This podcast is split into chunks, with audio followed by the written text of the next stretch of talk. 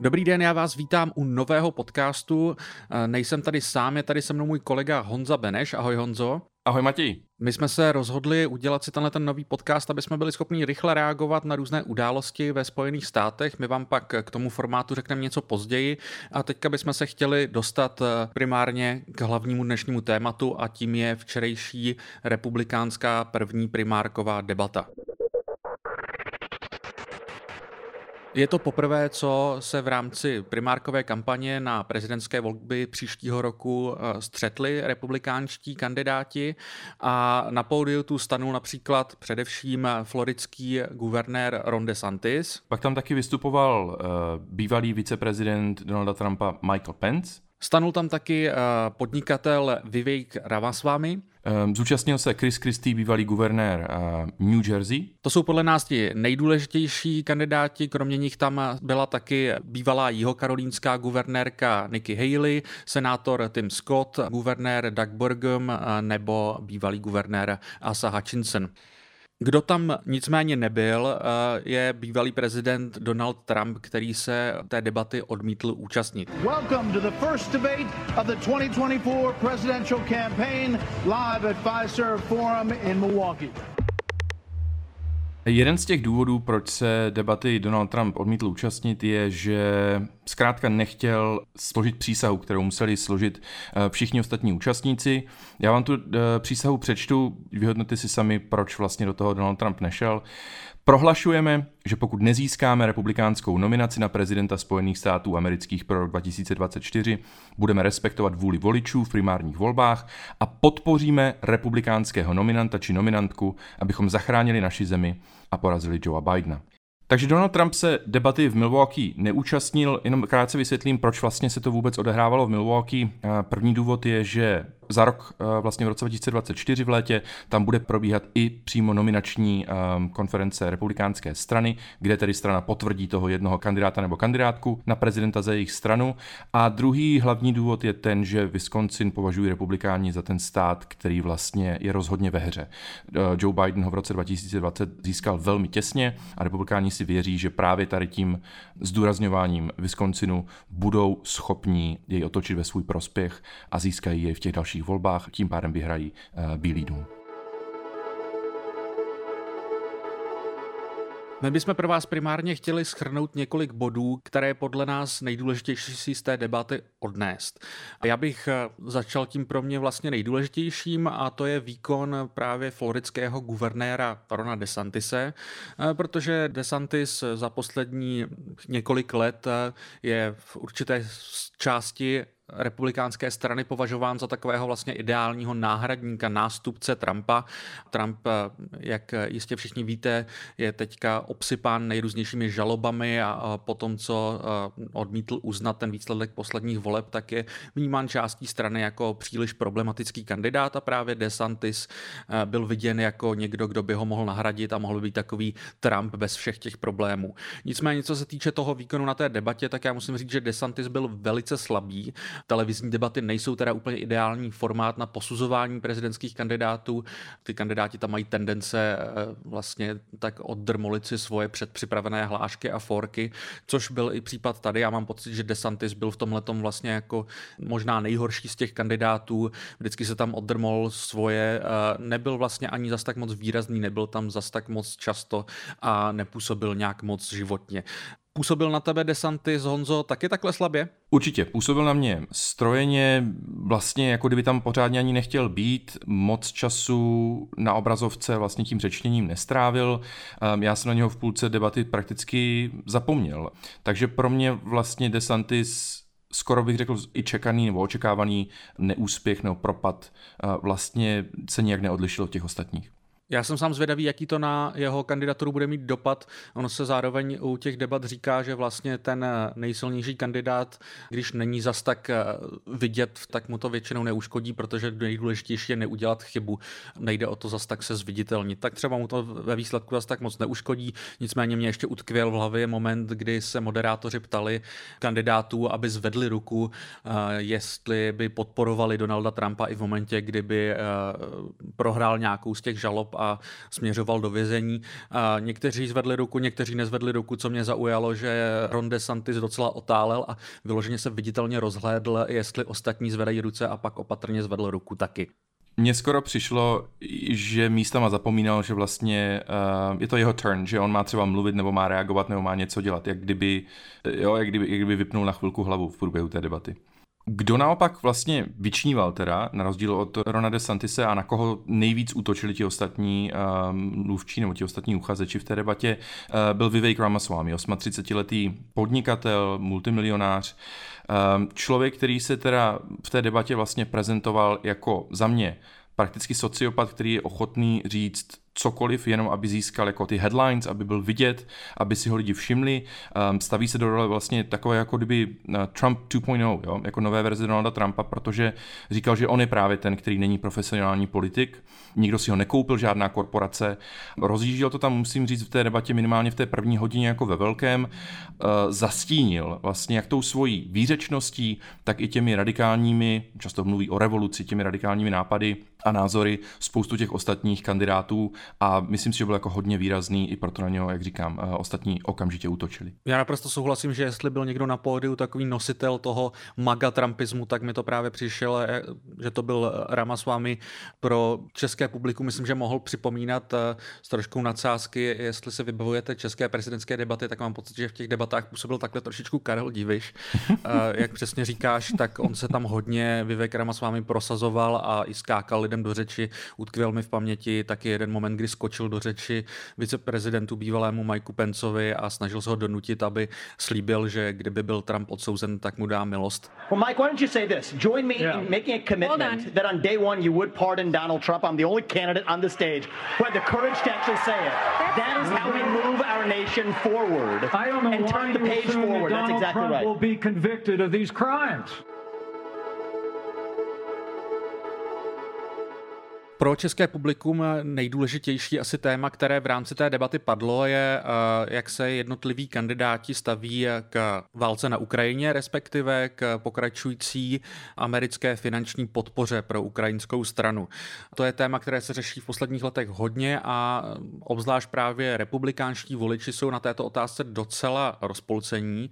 Co mi přijde důležité v kontextu té včerejší debaty, je, že tam přesně v jeden moment opět se ptali moderátoři, ať zvednou zvednou ruku ty kandidáti, kteří jsou vlastně proti tomu, aby v této podobě eh, finanční podpora v takovéhle míře Spojených států pro Ukrajinu pokračovala a dva nejsilnější podle průzkumu kandidáti, tedy krom Trumpa, eh, právě už zmínění eh, Ron DeSantis a Vivek Ramaswamy, byli ti, kteří to pokračování té podpory rozporovali nejvíc, což mi přijde, že je docela pro nejen české, ale samozřejmě evropské publikum potenciálně dost varovný signál, že je tady docela výrazná část eh, republikánského elektorátu, kterému se právě DeSantis a Ramaswamy snaží nadbíhat, která úplně eh, nesouhlasí s tím, aby Spojené státy posílaly tolik vybavení, ale i financí eh, na podporu ukrajinské strany. Ono se to vlastně hodně ukázalo i v momentě, kdy ti ostatní zákonodárci nebo prostě ti ostatní uchazeči z republikánské strany na tom pódiu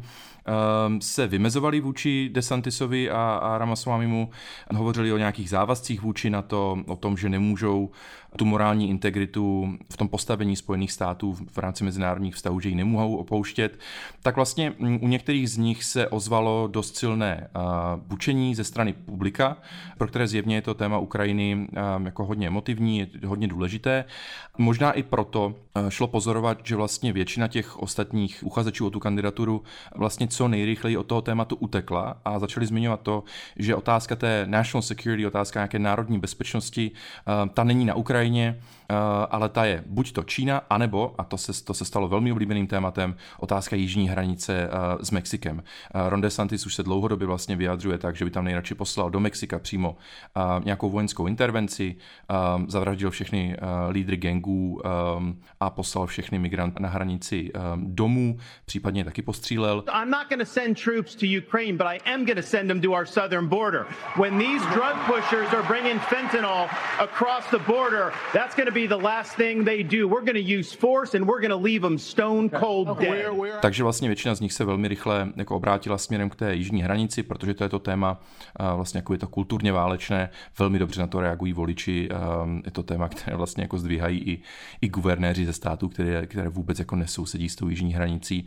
Takže i takhle utíkali od Ukrajiny, která není populární mezi republikánskými voliči, no mezi, minimálně mezi těmi trumpistickými voliči, utíkali pryč do Mexika. Já jenom dodám eh, jako takový trošičku forek nakonec. Já jsem si schválně dělal čárky v průběhu té debaty, eh, kdy budou padat různá klíčová slovíčka. Byl jsem trošičku překvapený, že v průběhu celé debaty padlo slovo woke jen jedinkrát z úst eh, právě Nikki Haley, ale takovýchhle překvapení jsem tam měl víc. Myslím si, že za celou debatu nepadlo ani jednou slovo socialismus ve vztahu teda k americké politice. Ano, několikrát padl čínský komunismus, ale ve vztahu k demokratům, že by někdo je označoval za socialisty, tak to nepadlo ani jednou.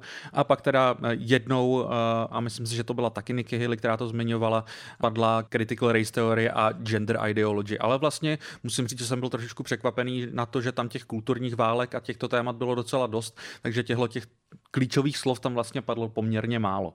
Je to tak vlastně jako, jako tady ta terminologie, ten jazyk, který dominuje, řekl bych, konzervativním televizním stanicím, internetovým kanálům, podcastům a tak dál, tak, tak tady tohohle jazyka tam bylo málo. Na druhou stranu, jak říkáš, ta témata jako vzdělávání, interrupce, právě ta otázka imigrace a stavu jižní hranice nebo vůbec vztahu s Mexikem, fentanyl a vůbec tady ta opiátová krize v USA, to všechno se tam zmiňovalo jako dokola. Faktem je, že vlastně celá ta debata, ona se nevěnovala nějakým zásadně věcným um, jako tématům, věcným problémům, které američané jako řeší a které je potřeba řešit a naopak se často jako strávala právě tady k těm kulturně válečným tématům. Ostatně poslední hlavní téma, které vlastně v debatě rozebírali, bylo vzdělávání, indoktrinace, údajná indoktrinace dětí ve školách a tak dále. Ale máš pravdu, že slovo woke, byť jsme ho hypovali a říkali jsme, že tam zazní xkrát, tak zaznělo fakt jenom jednou a od člověka, od kterého jsem to úplně nečekal.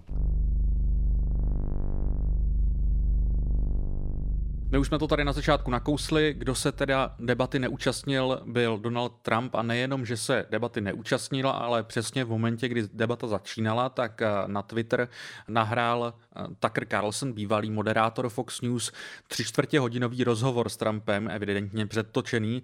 Myslím si, že to je nutné interpretovat eh, ze stran obou, jak Trumpa, tak Tuckera Carlsona jako takový vstyčený prostředníček vůči Fox News, na kteréžto stanici probíhala ta debata Uh, Carlson v průběhu tohoto roku eh, byl z Fox News propuštěn. Donald Trump dlouhodobě není úplně spokojený s tím, jak ho stanice pokrývá, takže tady byl úplně eh, jasný záměr se vlastně vůči té, eh, vůči té debatě vymezit. Zároveň Trump si z té debaty trošičku střílel. Před několika týdny říkal, že jen ať ostatní kandidáti debatují, že on aspoň bude moct posoudit, koho si třeba z nich vybere za viceprezidenta, takže to taky podle mě ilustruje, jak tu debatu těch ostatních kandidátů kandidátů bere vážně. Nicméně, co mě z toho rozhovoru Tuckera Carlsona s Trumpem zaujalo nejvíc, kolik prostoru v úvodu toho rozhovoru Tucker Carlson věnoval a smrti magnáta Jeffreyho Epsteina, který za podivných okolností před několika lety zemřel v celé a samozřejmě spojený s celou tou kauzou, kdy měl vozit různé velice význačné osoby na svůj ostrov a mělo tam docházet k, řekněme, sexuálnímu zneužívání nezletilých, což říkám velice kulantně. A okolo toho se Tucker Carlson točil nějak docela dost ze začátku toho rozhovoru, nevím, jestli to byla jenom nějaká snaha o to z toho udělat z toho rozhovoru nějaký virál nebo něco takového, nicméně eh, pobavil mě moment, kdy to dotáhl až do úplného extrému, kdy potom, co se Trumpa několikrát ptal, co si o tom myslí, jestli si opravdu myslí, že eh, se Jeffrey Epstein sám zabil nebo byl zabit, eh, tak najednou se zeptal Trumpa, jestli si nemyslí, že útoky demokratů na Trumpa a na jeho osobu se všemi těmi žalobami a tak dále vlastně nevyústí v to, že se ho demokraté Trumpa přímo pokusí zabít. So the reason I'm asking you is I'm looking at the trajectory since 2015 when you got into politics, yeah. you know, for real, and then won. Uh, there it started with protests against you, massive protests, right. organized protests by the left, and then it moved to impeachment twice. Right. And now indictment. I mean, the next stage is is violence. Is are you worried that they're going to try and kill you? Why wouldn't they try and kill you? Honestly. Uh, they're savage animals. They are people that are sick, really sick. Ten rozhovor s tím Tuckerem Carlsonem je samozřejmě uh, jedna věc, díky které se Donald Trump udržuje zase jako na titulních stránkách novin, nebo jak to říct, na titulních uh, stránkách, v úvozovkách všech sociálních médií a ale druhá věc je, že dneska, eh, dneska že se objeví uh, asi jeho mugshot, to znamená uh, fotka z vězení, to zase odebere pozornost od té debaty, kterou tady rozebíráme, a které vlastně toho není zase až tak moc co říct, protože nebyla zase až tak výrazná a zase Donald Trump bude všemu dominovat. Jenom k tomu řeknu ještě jednu věc. Pokud jste si ještě nikdy nepustili tu novou show Tucker Carlsona a nevíte, co se třemi hodinami svého života, tak si dejte jeho dvouhodinový rozhovor s Andrewem Tatem a pak si dejte právě ten rozhovor s Donaldem Trumpem. Uh, je možný, že vám pak vybouchne hlava, ale asi už uh, budete mít jasno úplně o všem, co Tucker Carlson reprezentuje. To je za nás asi k debatě pro dnešek všechno. My bychom vám na závěr akorát chtěli říct trošičku víc, jak jsme slibovali o tom, co je vlastně tenhle ten podcast. My jsme se s tím rozhodli nepárat a pojmenovat ho prostě jednoduše Redneck a Beneš, i když jestli máte někdo z vás návrhy na nějaké jiné názvy, tak nám je klidně posílejte. Tenhle podcast bude vycházet na serveru Voxpot.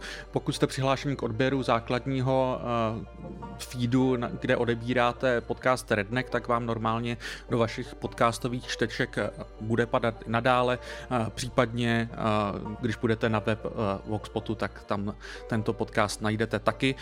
Co my s tím podcastem chceme trošku dělat, je protože mám pocit, Honzo, oba máme trošičku tendenci se různě rozepisovat, ať už na Twitteru, nebo v různě dlouhých článcích, nebo v mém případě u dlouhých redneků. A máme pocit, že nezvládáme občas úplně reagovat rychle na aktuální dění tak rychle, jak bychom chtěli.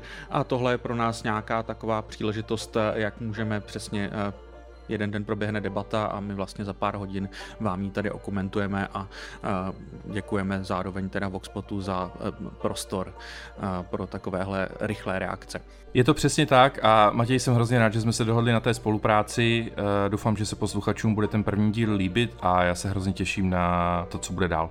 Já úplně na závěr jenom dodám, že tenhle podcast bude nepravidelný, to vychází trošku z úplně samotného principu. Chceme vždycky reagovat na to, že se něco v Americe semele a my to chceme rychle okomentovat, takže prostě když se něco stane, tak my něco takového natočíme, ale jak jsem říkal, bude vám to normálně padat do těch feedů normálního redneku, takže by vám to nemělo uniknout. Tak díky a příště zase naslyšenou. Naslyšenou a uvidíme, kdy se zase semele něco, co vám takhle rychle okomentujeme.